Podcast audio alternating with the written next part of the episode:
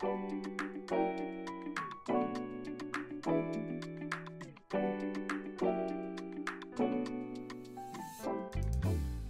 välkommen till Fantastisk hälsa.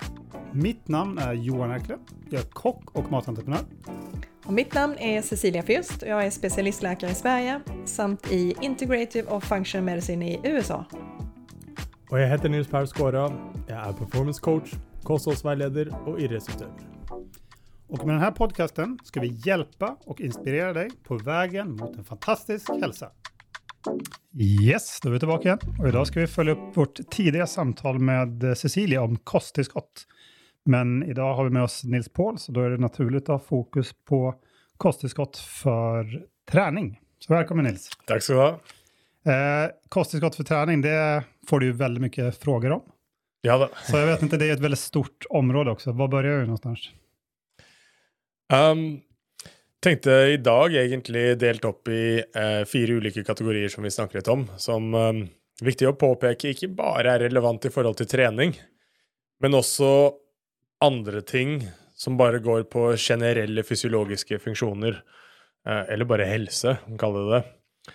Um, det skal mye til å finne et kosttilskudd som er optimalt for å få gode treningsresultater, som ikke også har en positiv effekt på ting som ikke har med trening å gjøre, som bare er på generell, generell helse, og at kroppen fungerer optimalt. Fordi hvis kroppen fungerer optimalt og man har god helse, så får man mer ut av treningen også. Så det bare start med å si det. Eh, Men de fire kategoriene vi kan dele inn i, sånn Starte med kosttilskudd som går eh, mest på muskelsystemet. Restitusjon av øh, musklene. Tar eh, en som går på nervesystemet. Um, en som går på eh, inflammasjon. eh, insulinsensitivitet og immunforsvaret. Og så snakker vi litt om kosttilskudd som går på um, optimalisering av hormonsystemet, og da kanskje med, med mest fokus på testosteron. Ok, så den første du sa, det, det var muskelsystemet. Da går du rett inn på det som eh, eh, om, det er olika typer proteinpulver regner jeg med. Ja, det er jo ofte den store debatten, kan man si, om det er nødvendig å ta proteintilskudd. Ja, det er klart at um, om det er proteintilskudd eller noe kosttilskudd, om det strengt talt er nødvendig, så kan man veldig lett argumentere for at selvfølgelig er det ikke nødvendig. Hvis man, hvis man spiser bra, hvis man har eh, godt allsidig kost, spesielt med tanke på proteiner, så er det ikke noe problem å få i seg tilstrekkelig med proteiner og bra kvalitet på proteiner uten å ta proteintilskudd. Men det er også viktig å ta inn i betraktning et, et par andre eh, faktorer. Når når man skal optimalisere ting, så vil man jo gjerne se på hvor, hvor praktisk det er. Det er én ting. Hvor praktisk og hvor sannsynlig er det at du skal få i deg alle de proteinene som du har lyst til å få i deg, av den kvaliteten som du har lyst til å få i deg? Og kanskje eh, litt med tanke på fordøyelse, kommer kroppen til å være i stand til å absorbere alt sammen optimalt? Der vil jeg argumentere for at det er um, rekke fordeler med å benytte seg av proteinpulver som et tilskudd. For eksempel hvis man ønsker å få i seg proteiner um, etter styrketrening, så kan man godt spise en eh, kyllingfilet eller noe lignende. Eh, eller man kan bare ha med seg em, proteinpulver og få i seg på den måten. Og for kroppen så spiller det ingen rolle så snart det kommer ned um, Snart det kommer ned i tarmen, går ned i magesekken, og protein Alt sammen fordøyes og spaltes uh, ned til hver minste aminosyre, så, så vet ikke kroppen om det kom fra proteinpulver, eller om det kom fra en uh, sånn hel naturlig proteinkilde. Um, så der det tror jeg det, det er viktig å påpeke det praktiske aspektet oppi det hele. Ja, jeg ser den. Men det som er viktig å kanskje legge til, där er jo at ja, just proteinen så forstår ikke kroppen noen skillnad. Men det som kommer ihop med det, det eh, proteintillskottet, eller den er också lite viktigt.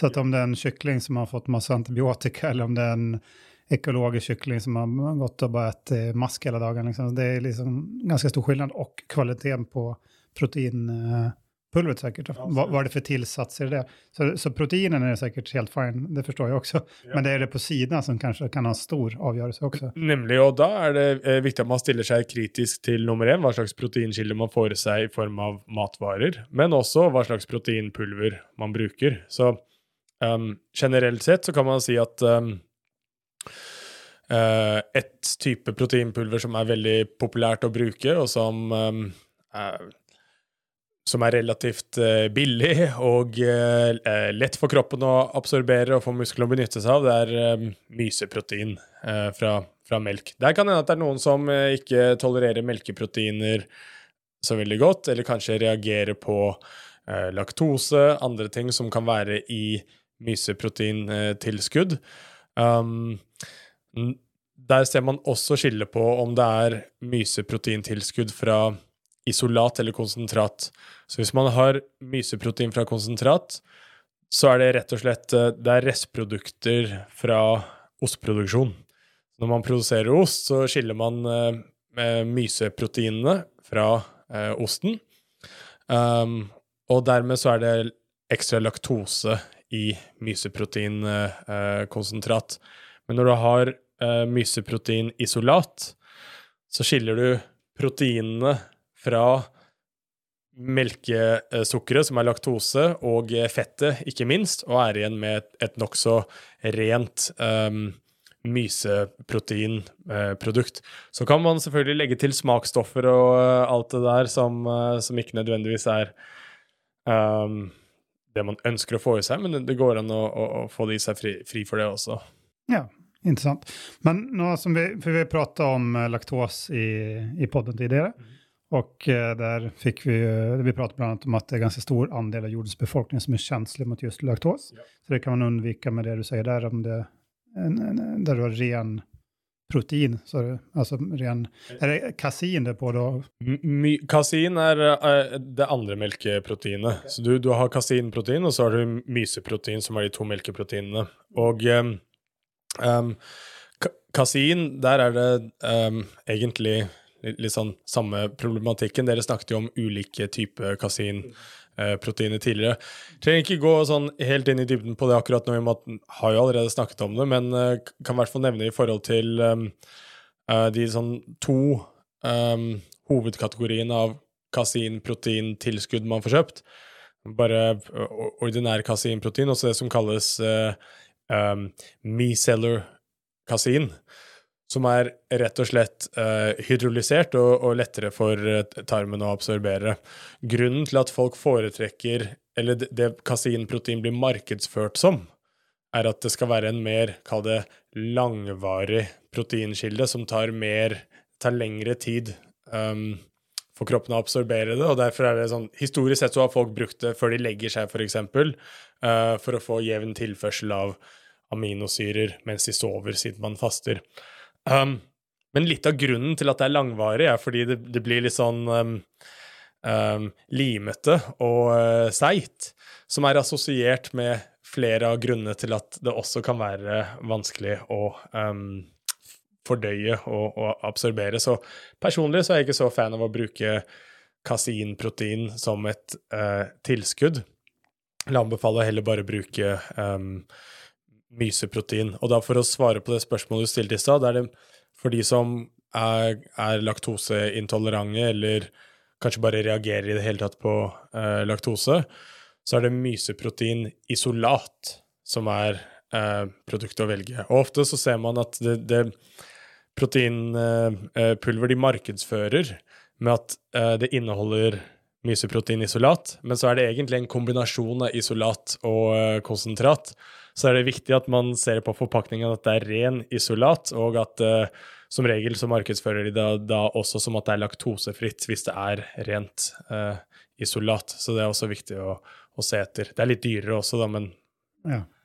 Men finns det noen märkning på just proteinpulver då med just på uh, typ av kasin? Som vi pratade om i Danmark så hade de ju i matbutiken så kunne du få A1 eh, kasin, A2 kasin. Ja. Fins det i, i treningsbransjen i proteinpulver? I forhold til uh, var, om det er A1 eller A2, så varierer nok det um, avhengig av hvilket produkt uh, man velger, men det er som regel ikke det de bruker ja, det, De oppgir som regel ikke den informasjonen. Den informasjonen de oppgir, er om det er hydrolysert eller ikke, om det er micellar kasein eller ordinær kasein.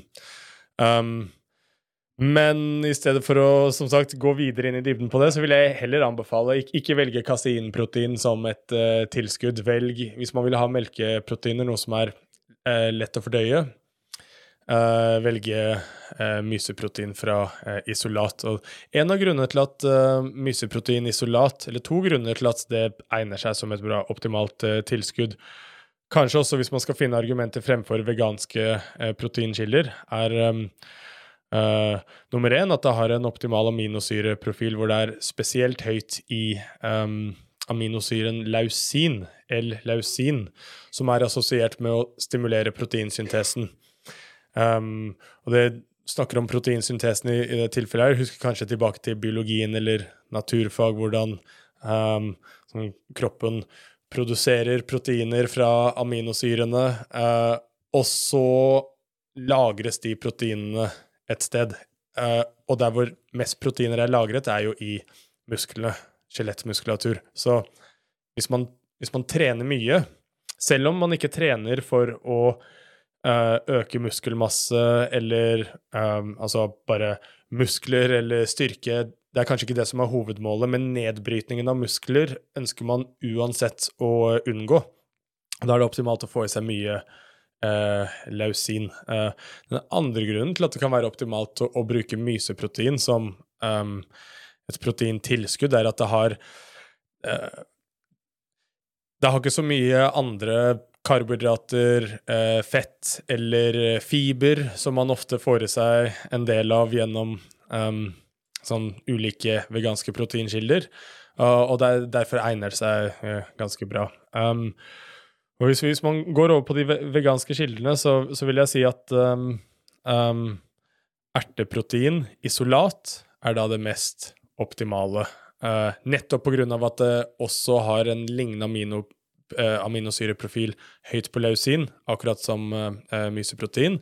Og så inneholder det ikke sånn eh, veldig mange andre stoffer som kan være litt, litt, sånn heftige for fordøyelsen hvis man får i seg veldig mye av det. Eh, hemprotein er et annet um, populært vegansk eh, eh, proteintilskudd. Men da får du også i deg en del fettsyrer og fiber, og hvis du skal supplere med protein i høye mengder, så så får du bare ikke like rent proteintilskudd. Det tar litt lengre tid å absorbere. Uh, så det egner seg f.eks. ikke like bra å ta si umiddelbart etter treningen, da, men kan ha det til andre bruksområder. Ja, altså jeg tar jo selv sånn hemp-protein, ja. for det har vel mye andre uh, bra, bra, greier i seg ja. i tillegg til, nemlig, nemlig. til proteinet. Det, det, har det. Så det er, det er der uh, det, det, er viktig at man bare er bevisst på hvorfor bruker man uh, proteintilskudd. Hvis det er bare, um, bare for å få i seg proteiner sammen med andre ting som, som er bra, så fungerer hemp veldig fint. Hvis det er en idrettsutøver eller noen som har en ekstrem høy treningsmengde, som også har et overgjennomsnittlig proteinbehov, om man da ønsker å supplere ekstra proteiner, eller kanskje det er noen som er på en streng diett eller noe, hvor de ønsker å begrense hvor mye fett og karbohydrater de får i seg, og så skal de ha høyt proteininntak.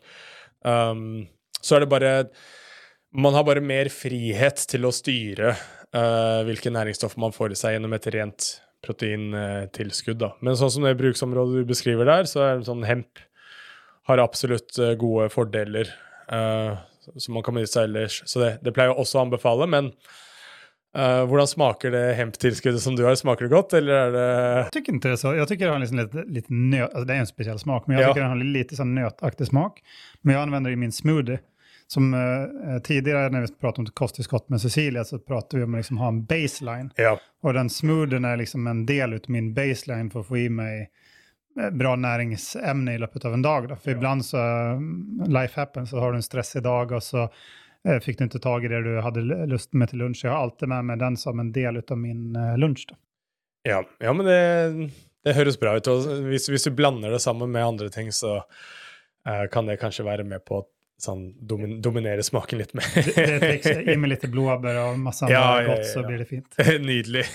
Um, men i hvert fall i, i forhold til dette med uh, kanskje uh, et typisk bruksområde for proteinpulver er da nettopp um, etter styrketrening, for eksempel. Da er det i, i forbindelse med selve treningsøkten, så er det andre tilskudd som, som kan være lurt å supplere med. Uh, hvis man ser på Det finnes ulike karbohydrattilskudd som kan være optimalt både før, under og etter trening. Um, karbohydrater eller glukose er jo det muskelcellene bruker som energi, så uansett hva slags trening du har, om det er kondisjonstrening eller om det er styrketrening, så kommer kroppen til å bruke karbohydrater mens man trener.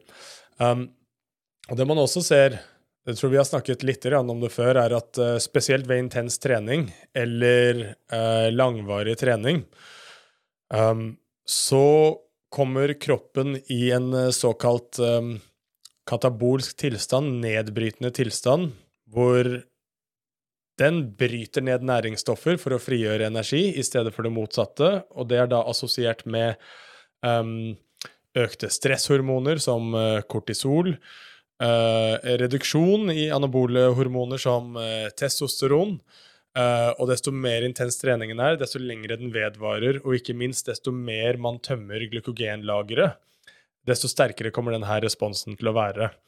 Og man er, eh, bare for å optimalisere både restitusjon og bare hvordan man føler seg generelt, og, og kunne tåle um, eh, mye trening eller hard trening, um, så ønsker man hele tiden å eh, minimere den um, den biokjemiske, nedbrytende eh, effekten, og det kan man motvirke med tilskudd av karbohydrater både under trening og etter trening. Så jeg pleier faktisk å anbefale, um, i tillegg til å drikke vann mens man trener, så er det um, et par ting som man mister en del av. Man svetter, så man mister, mister elektrolytter. Og så, og så går man lavt på karbohydrater og, og glykogen etter hvert. Så det kan være en god idé å supplere med begge de to tingene mens man trener. Så elektrolytter da i form av salter, det kan være, kan være litt Himalaya-salt, eller det fins ofte sånn sportsdrikk-type eh, løsninger som har, som har de elektrolyttene man eh, mister mens man trener. Um, så i form av karbohydrater uh, eh, Beste lavterskelformen å supplere med karbohydrater mens man trener. Det telles vel strengt talt ikke som et kosttilskudd. Kall det naturens kosttilskudd som biene har gitt oss, honning. For da har du en god kombinasjon av 50-50 fruktose og glukose, som fungerer bra optimalt for å um, Kroppen kommer til å klare å absorbere de karbohydratene ganske, ganske kjapt, da. Uh, uh, men kanskje det viktigste som skjer når man supplerer med karbohydrater mens man trener, er at det hemmer denne her kortisolresponsen. Og kortisol er en nedbrytende stresshormon. Vi, vi trenger det. Det er, det er, bra for å uh, frigjøre energi og, um, og, håndtere stress. Men det bryter ned musklene, og det gjør at man, man føler seg sliten uh, når kortisolnivåene holder seg for høyt over tid. Um, og uh, insulin er et hormon som hemmer kortisolresponsen. Og insulin produseres i hovedsak i respons til um, at blodsukkeret går opp, som skjer når man inntar karbohydrater. Så bare um, rent, rent biokjemisk man, I tillegg til å fylle på glykogenlageret som man mister mens man trener, um, så, så er det ikke mye som skal til for å hemme denne kortisolresponsen. Så derfor anbefaler jeg eh, i det minste å bare ha en liten mengde med karbohydrater mens man trener. Kan som sagt være i form av eh, honning, bare en spiseskje eller noe sånt. Det er nok til eh, å hemme denne kortisolresponsen til en viss grad. og det øker da også testosteronnivåene mens man trener, fordi kortisol og testosteron er også to hormoner som som regel har et invers eh, forhold. Ja, Interessant. Men den der honungen, da, hur du da? Har du med en burk honung da, i treningsbagen, og så har du med en liten spiseskje? Eller hur rent praktisk gjennomfører du det her? Ok, Så, så måten eh, jeg løser det rent praktisk, det er et eh, tredje tilskudd som man også kan legge til under treningen, spesielt ved eh, styrketrening. Og det er um, BCAA, står for Branch Chain Amino Acids. Det er tre aminosyrer. Uh, der den det er mest av, er den vi snakket om tidligere, L-lausin. Så den er da med på å motvirke um, at kroppen bruker proteinet som er lagret i eh, musklene, og bryter det ned som eh, energi. Eh, det er med på å stimulere proteinsyntesen mens man trener. Så um, da, da, har man de, de tre viktigste eh, tilskuddene under styrketrening. Karbohydrater, om det er honning eh, eller andre tilskudd, som man også kan komme tilbake til. Um, noe form for salt. Himalaya-salt. Ikke, ikke, bare salt, men elektrolytter. Uh, også det her BCAA. Det er kanskje de tre grunnleggende man kan bruke, og da blander man jo det i vann. De fleste har jo med seg en vannflaske når de trener, så man kan ha min her nå, men jeg har en sånn ganske, ganske stor en for å få riktig, eh, riktig mengde væske eh, som eh, mister mens jeg trener. Um, og da supplerer det med Det er rett og slett å bare Nå får man jo sånn honning på sånn uh, tube. Uh, bare ta en liten squirt med honning oppi uh, vannflasken. Um, eller om man har en liten termos eller et eller annet. Tar oppi litt uh, elektrolytter. Og når jeg snakker om hvis man skal benytte seg av Himalaya-salt som et alternativ der, så er det viktig at man ikke tar for mye, for da plutselig så blir man dehydrert, og um, konsentrasjon skal være viktig. Det er snakk om bare liten sånn klype salt oppi en ganske stor mengde eh, med vann. Den vattenmängden, hur mycket, har du noen anbefaling der? Eller du sa at du hadde en veldig stor beholder. Ja, altså, Skal alle ha det?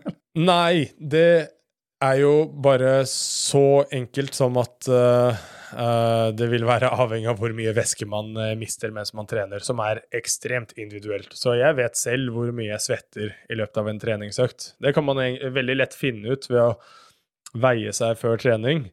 Uh, og så kanskje man ikke dropp å drikke vann under trening, for det, men måle opp hvor mye vann man uh, drikker under treningen.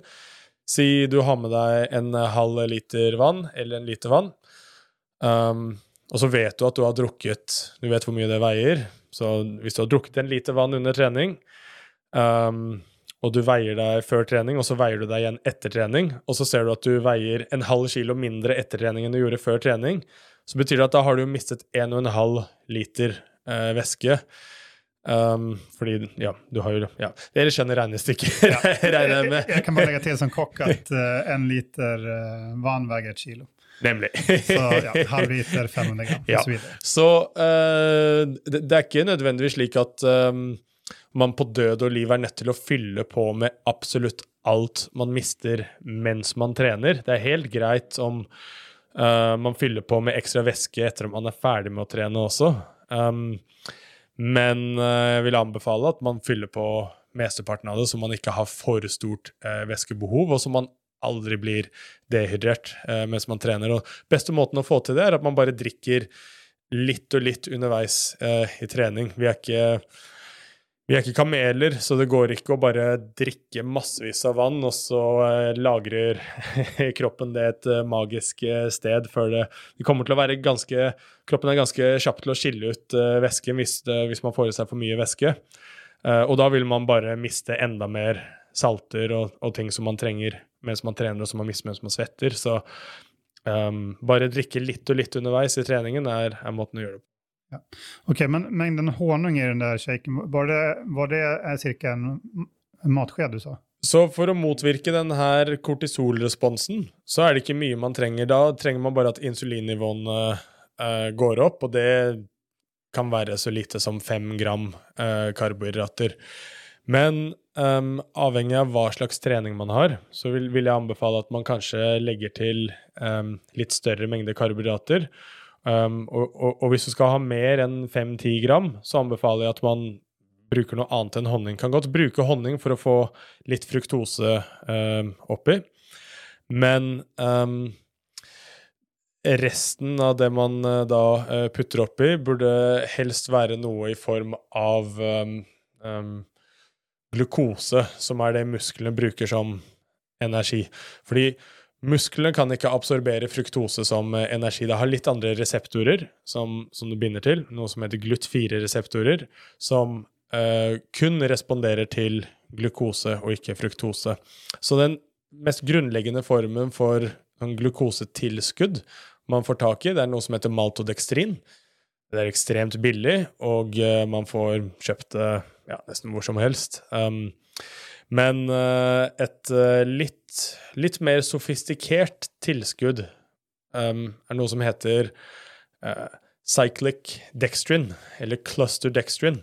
Og det er rett og slett glukosemolekyler som er, har en kjemisk struktur i en ring, en sirkel, som gjør at um, nummer én, det er lettere å absorbere. Det absorberes uh, kjappere.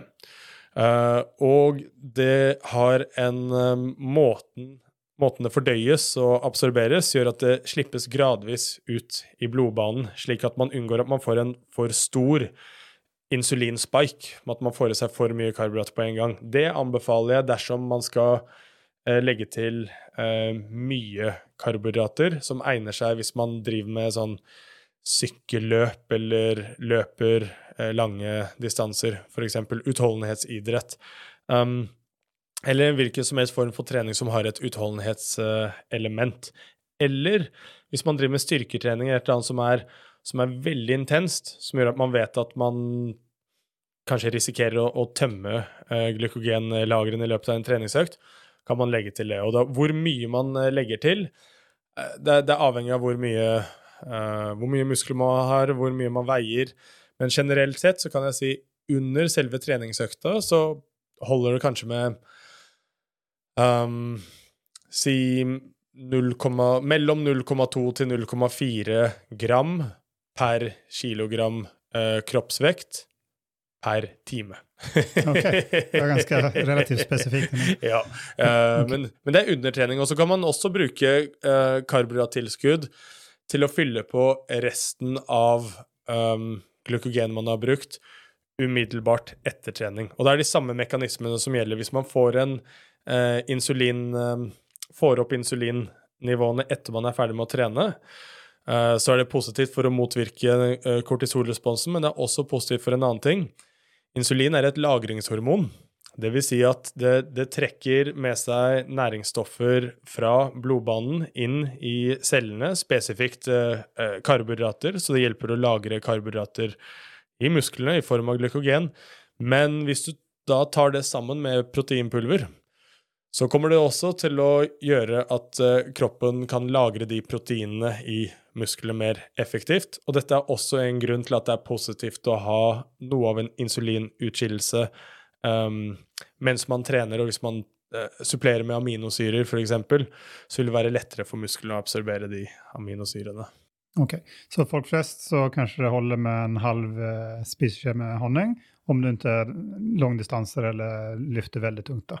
Så det er konklusjonen. Men hvor mye sånn uh, BC, hva det, BCA skal man ha? da? Ok, så uh, det, det, det, som er relevant, er egentlig hvor mye lausin man får i seg. Så for å maksimere proteinsyntesen, um, så er det 2,5 gram lausin som gjør at proteinsyntesen er sånn fullt aktiv, i hvert fall i, i forhold til uh, det stimuliet av å motta um, lausin som um, som det som stimulerer at uh, proteinsyntesen blir satt i gang. Og noe mer enn det er, blir bare brukt som energi, rett og slett. Noe mer enn det er, er unødvendig. Så det kommer litt an på hva slags BCA-tilskudd man har, hva som er mengdeforholdet mellom um, lausin og de andre aminosyrene. Som regel så er det um, et 2 til 1-1-forhold, så det vil si at 5 gram med BCAA inneholder da 2,5 gram lausin. Og som regel, hvis man kjøper et BCAA-tilskudd, så pleier porsjonsstørrelsen pleier å, å, være anbefalt i forhold til eh, denne doseringen. Um, et alternativt tilskudd som man kan bruke til BCAA, det er det som kalles EAA, som står for essensielle aminosyrer det inneholder også BCAA, men det inneholder også alle de andre essensielle aminosyrene. Og det en essensiell aminosyre her, det er en aminosyre som man er nødt til å få i seg gjennom uh, kostholdet. For du har aminosyrer som kroppen produserer selv, og så har du protein, uh, aminosyrer som du får i deg um, gjennom kostholdet. EAA er bare alle de aminosyrene. Og det man ser, er at i forhold til å stimulere proteinsyntesen ved inntak av BCAA, eller egentlig bare inntak av uh, lausin alene, så er det med på å uh, stimulere til å holde proteinsyntesen aktiv uh, der og da. Men hvis man sublerer med EAA, så vedvarer den responsen mye lengre. Um, og for de aller fleste så har egentlig ikke det så veldig mye å si, så lenge man spiser nok proteiner, og så lenge man bare har, eh, er i energioverskudd og, og spiser nok. Men hvis det er noen som av en eller annen grunn presser seg til at de, de er på en diett, eller de går ned i vekt, og de begrenser det totale kaloriinntaket, så kan det faktisk være hensiktsmessig å supplere med EAA fremfor BCAA, bare for å få en, en sterkere eh, respons av å stimulere denne proteinsyntesen. eh. Fordi da kroppen eh, realistisk sett kommer til å forbrenne proteiner lagret i musklene som eh, energi, og det er når man ligger i kaloriunderskudd.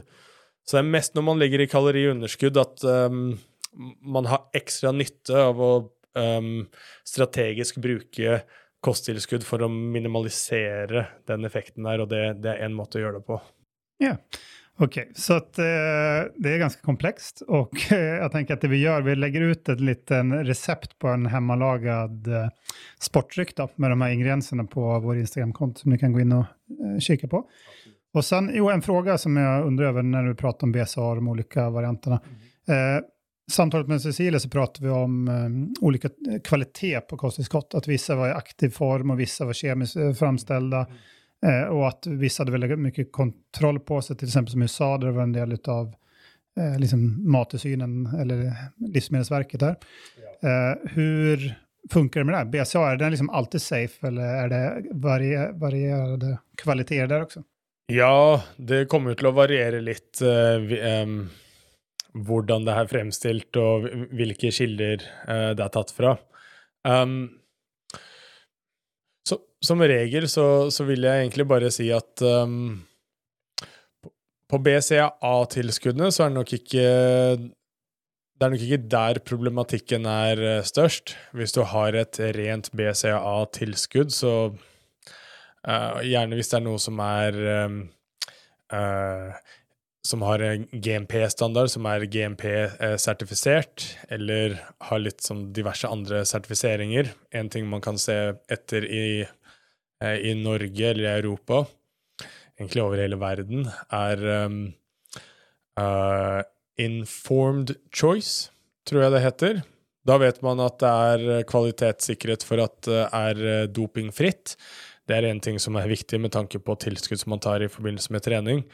Mange toppidrettsutøvere som er redde for å kjøpe tilskudd som de ikke vet ikke helt uh, hvordan det er fremstilt, eller hvor det er selv om de ikke er redde for at selve tilskuddet er um, doping, så kan det hende at det er rester av noe ulovlige midler som produseres i, i samme fabrikk. Så det er kanskje et litt mer relevant tema for hvis man snakker om treningstilskudd som inneholder noe som eh, BCAA, at man da ser etter uh, GMP-sertifisering eller informed uh, choice. Det finnes et par andre også, det er bare å Husker ikke uh, Husker ikke det nøyaktige navnet på alle sammen av dem i hodet akkurat nå. men Det er bare å bare google på hva, hvilke sertifiseringer som, som, som, garanterer at det er dopingfritt. Uavhengig sertifisering, ikke noe som er bare står på Hvis det bare står dopingfritt på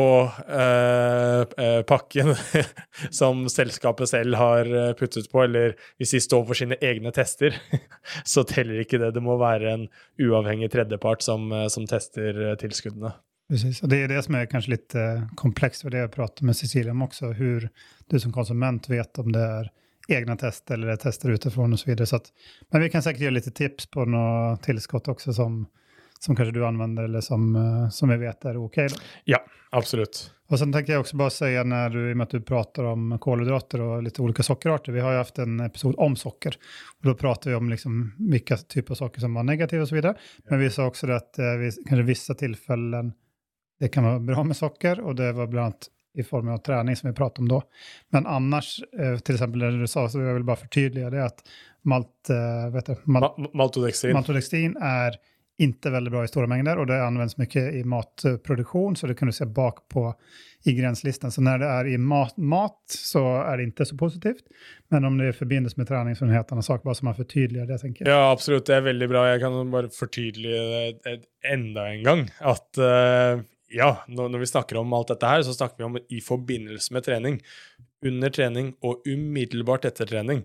For da er kroppen i en um, ganske annerledes fysiologisk tilstand enn ellers på dagen hvis glykogenlagrene er veldig lave og tomme, og man nettopp har brukt mye energi, stresshormonene er høye og alt dette her, da er det faktisk fordelaktig å få den insulinresponsen som sukker er med på å eh, generere, og det er, det er bedre å få i deg sukker enn f.eks. en fiberrik karbohydratkilde, for da tar det bare lengre tid før kroppen eh, får eh, rebalansert eh, den tilstanden. Så kan det være verdt å legge til at eh, det er ikke sånn um, det, er, det er ikke død og liv å fylle på så raskt som overhodet mulig eh, og, og, og, gjenvinne balanse umiddelbart etter trening. Det viktigste er hva man får i seg i løpet av 24 timer. Så det fins ulike filosofier. Noen som mener at sant, i forhold til periodisk faste, mange som liker å trene mens man faster, og så ikke spise før lenge etterpå, får, uh, får bra resultater med det også. I hvert fall når man ser på ulike studier, så ser man i forhold til både vekttap og andre parametere, så kan det fungere like bra. Men hvis man snakker om toppidrettsutøvere og noen som trener flere ganger i løpet av en dag, og spesielt hvis det er noen som trener ekstra hardt og har intens trening, og det behøver egentlig ikke være en toppidrettsutøver engang. Det er bare Hvis man bare trener hardt, um, så ser man at det har en positiv effekt på restitusjonen, og um, prioriterer litt hva man eh, spiser både under og umiddelbart etter treningen. Så jeg vet at det fins mye forskning som eh, um, som, som kanskje tyder på at uh, de, de, tingene ikke har uh, så mye å si, men um, i hvert fall etter min mening, hvis man, hvis, hvis man ser på konteksten, så står jeg fortsatt for at det er, det er, viktig hva man får i seg umiddelbart eh, etter eh, trening fra et eh, rent restitusjonsperspektiv for å maksimere treningsresultater. Ja. Men du sa kolhydrater och efter träningen. Är, det fort, är vi fortfarande honung? Du sa ingenting om mängder eller sånt? Nei, ja. man äta det? Mm -hmm. Så det, det, er bra du sier. Umiddelbart etter trening så kan det være greit at man um, um, også har en kombinasjon av uh, fruktose og glukose, mest glukose. Så det kan være frukt. Da kan man bare spise fruktstykket når man er ferdig med å trene. Uh, da, får du en uh, kombinasjon av både karbohydrat, nei, glukose og, fruktose. Det kan også være um, frukt kombinert med maltodekstrin eller et annet kar karbohydratpulvertilskudd. Men du kan også bare spise noe, da. Det kan være um, bare om det er noe ris eller um, sånn ris, uh, risknekk, var det ikke det det het på svensk? Er det risknekk? Ri, ri, jeg kaller det ri, riskjeks. Ja, ja, ja. Riskjeks, var Keks. Riskeks? Ok, jeg trodde det var et annet er riskaker, er det om du tenker om Ja, ri, riskake, riskjeks. ja. Sånn at du kan, kan bruke det. det. Da snakker vi om umiddelbart etter eh, trening, da. Um, men uh, sånn kan jeg e, egentlig har en, en, del andre til. Jeg snakket om disse fire kategoriene. Jeg, jeg, jeg, tenker, jeg bare vi, undrer om vi kanskje skal dele opp det på flere avsnitt. Det var avsnitt. det jeg også tenkte, fordi vi, nå har vi kun snakket om muskelsystemet, så vi kan godt, uh, vi kan godt legge de ha egne podcaster på, uh, på det, det, som går på nervesystemet, immunforsvar, inflammasjon og diverse. Det kan vi ta neste gang. Men det er et par til uh, tilskudd som jeg har lyst til å nevne ordentlig kjapt med tanke på muskelsystemet. Er, eh, de tilskuddene som vi har snakket om nå, det er egentlig eh, frem til nå, de har blitt brukt i alle år, og det er ikke noe, er ikke noe særlig nytt og revolusjonerende. Uh, men et, par tilskudd som har blitt mer og mer populært kanskje de siste ti årene, ett av dem er um, beta-alanin. Det er en ikke-essensiell aminosyre, dvs. Si at kroppen produserer det selv. Men man ser at tilskudd av ekstra beta-alanin og det er noe man ikke får i seg i sånne store mengder i, i kosten. Um, det å supplere med det er med på å motvirke um, melkesyre mens man trener. Måten å gjøre det er at det øker uh, mengden karnosin, som også er en ikke-essensiell aminosyre som, som man uh, produserer. Um, som fungerer som en slags uh, pH-buffer i muskelcellene. Det vil si at når du produserer melkesyre, og eh, det blir opphopning av eh, hydrogenioner i muskelcellen som gjør at det er en syrlig balanse, som da alle sammen har erfart er ekstremt eh, smertefullt. Uh, og virker også hemmende for videre muskelsammentrekninger. Så det er derfor man, man, får melkesyre, og så stivner man opp og føler at man ikke klarer å, å gjøre så veldig mye mer.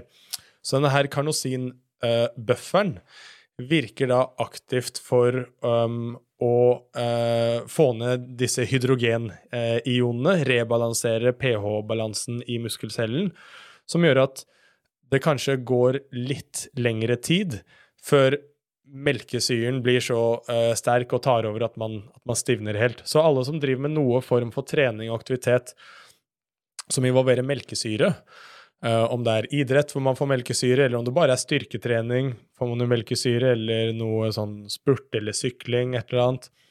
Supplere med beta-alanin um, kan vise positiv effekt på akkurat det.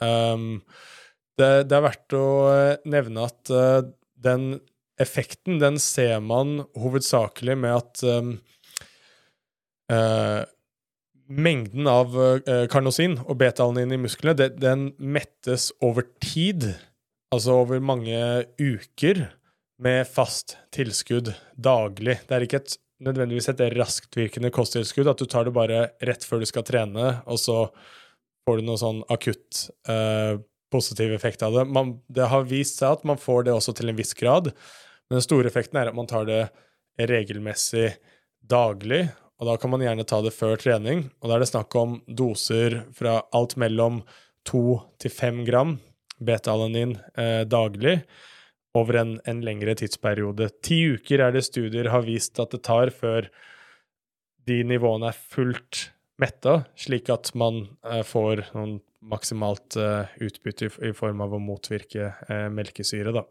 Eh, det kan også være verdt å nevne at um, hvis det er noen som har prøvd noe sånn pre-workout-tilskudd, som inneholder massevis av uh, ting som ikke nødvendigvis er bra i forhold seg i store mengder, skal vi snakke om neste gang. Men uh, de fleste pre-workout-tilskudd inneholder beta-alanin, som gjør at man får en litt sånn prikkete følelse i uh, huden, eller man kjenner det ofte ute i fingrene litt overalt.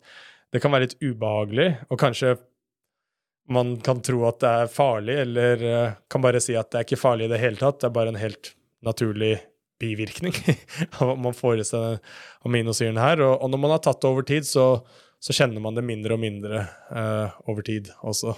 Ok, Men hvilken, du sa at man kan få i seg det via kost, men ikke så mye. Hvilken kost er det man får i seg? Som for eksempel, eh, det, som, som, regel proteinkilder som uh, kylling uh, inneholder litt. Um, men her, her er det Eh, ja, Kylling og ulike kjøttkilder er det som inneholder mest av det. Men det er i så små mengder at du vil ikke få den samme effekten som hvis du tar det som et uh, kosttilskudd. Jeg kan bare si litt sånn um, Som en, en slags uh, oppsummering på alt vi snakker om her. Min personlige filosofi er at hvis det er noe du lett kan få i deg gjennom kosten, og som er praktisk for deg å få i deg gjennom kosten, så er det helt unødvendig å ta det som et kosttilskudd. Men alle ting som har en positiv effekt, enten for helsen din eller treningen, hva det nå enn skulle være, som det ikke er mulig å få i seg gjennom et vanlig, naturlig eh, kosthold, da er det plutselig en eh, grunn til å ta det som kosttilskudd. Og beta-alanin er eh, en av de tingene. For å få det i den mengden som gir denne her uh, prestasjonsøkende effekten, så er man nødt til å ta det eh, i form av kosttilskudd. Ja, veldig bra.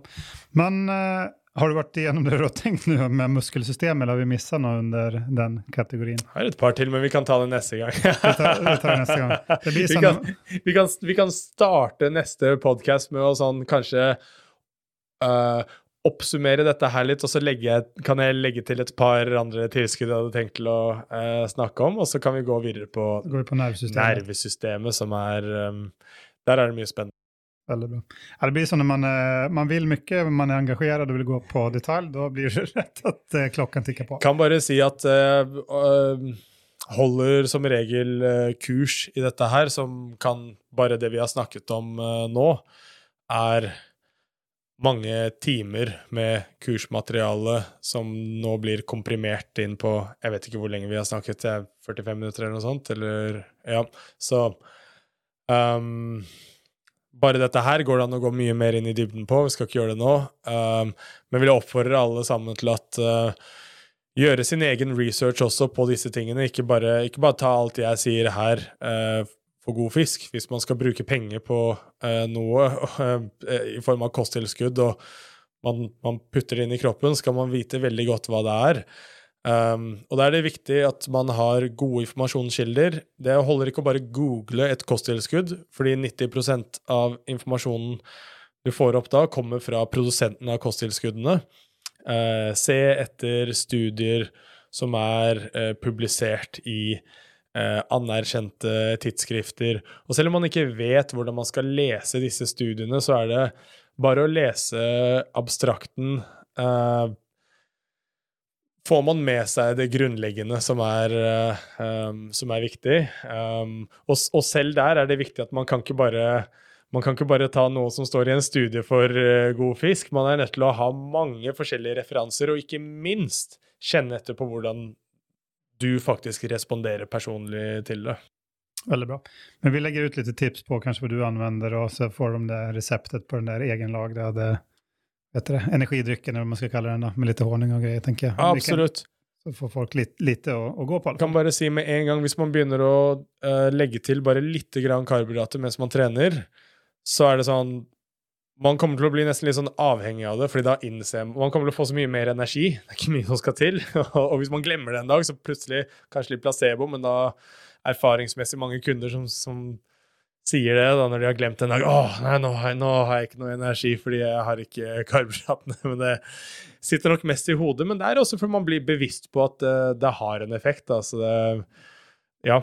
Det, det er en, en, liten, en liten hack, rett og slett. Precis, veldig bra.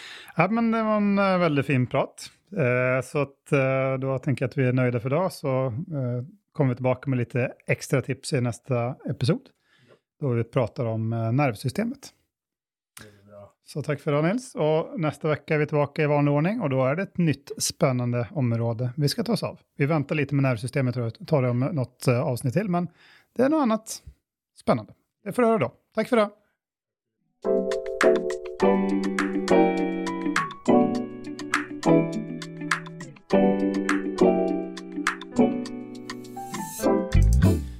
för att du satte av tid att lyssna på vad vi hade att säga. Vi vill också tacka vår nya samarbetspartner nummer 5-huset på Vinden i Oslo. Här spelar vi in vår podcast och här kommer också mycket spännande event i framtiden. Du kan följa med på vår hemsida fantastiskhälsa.com eller på vårt Instagramkonto som är fantastisk hälsa i ett ord, där du får mer info om kommande avsnitt. Ha en fantastisk dag!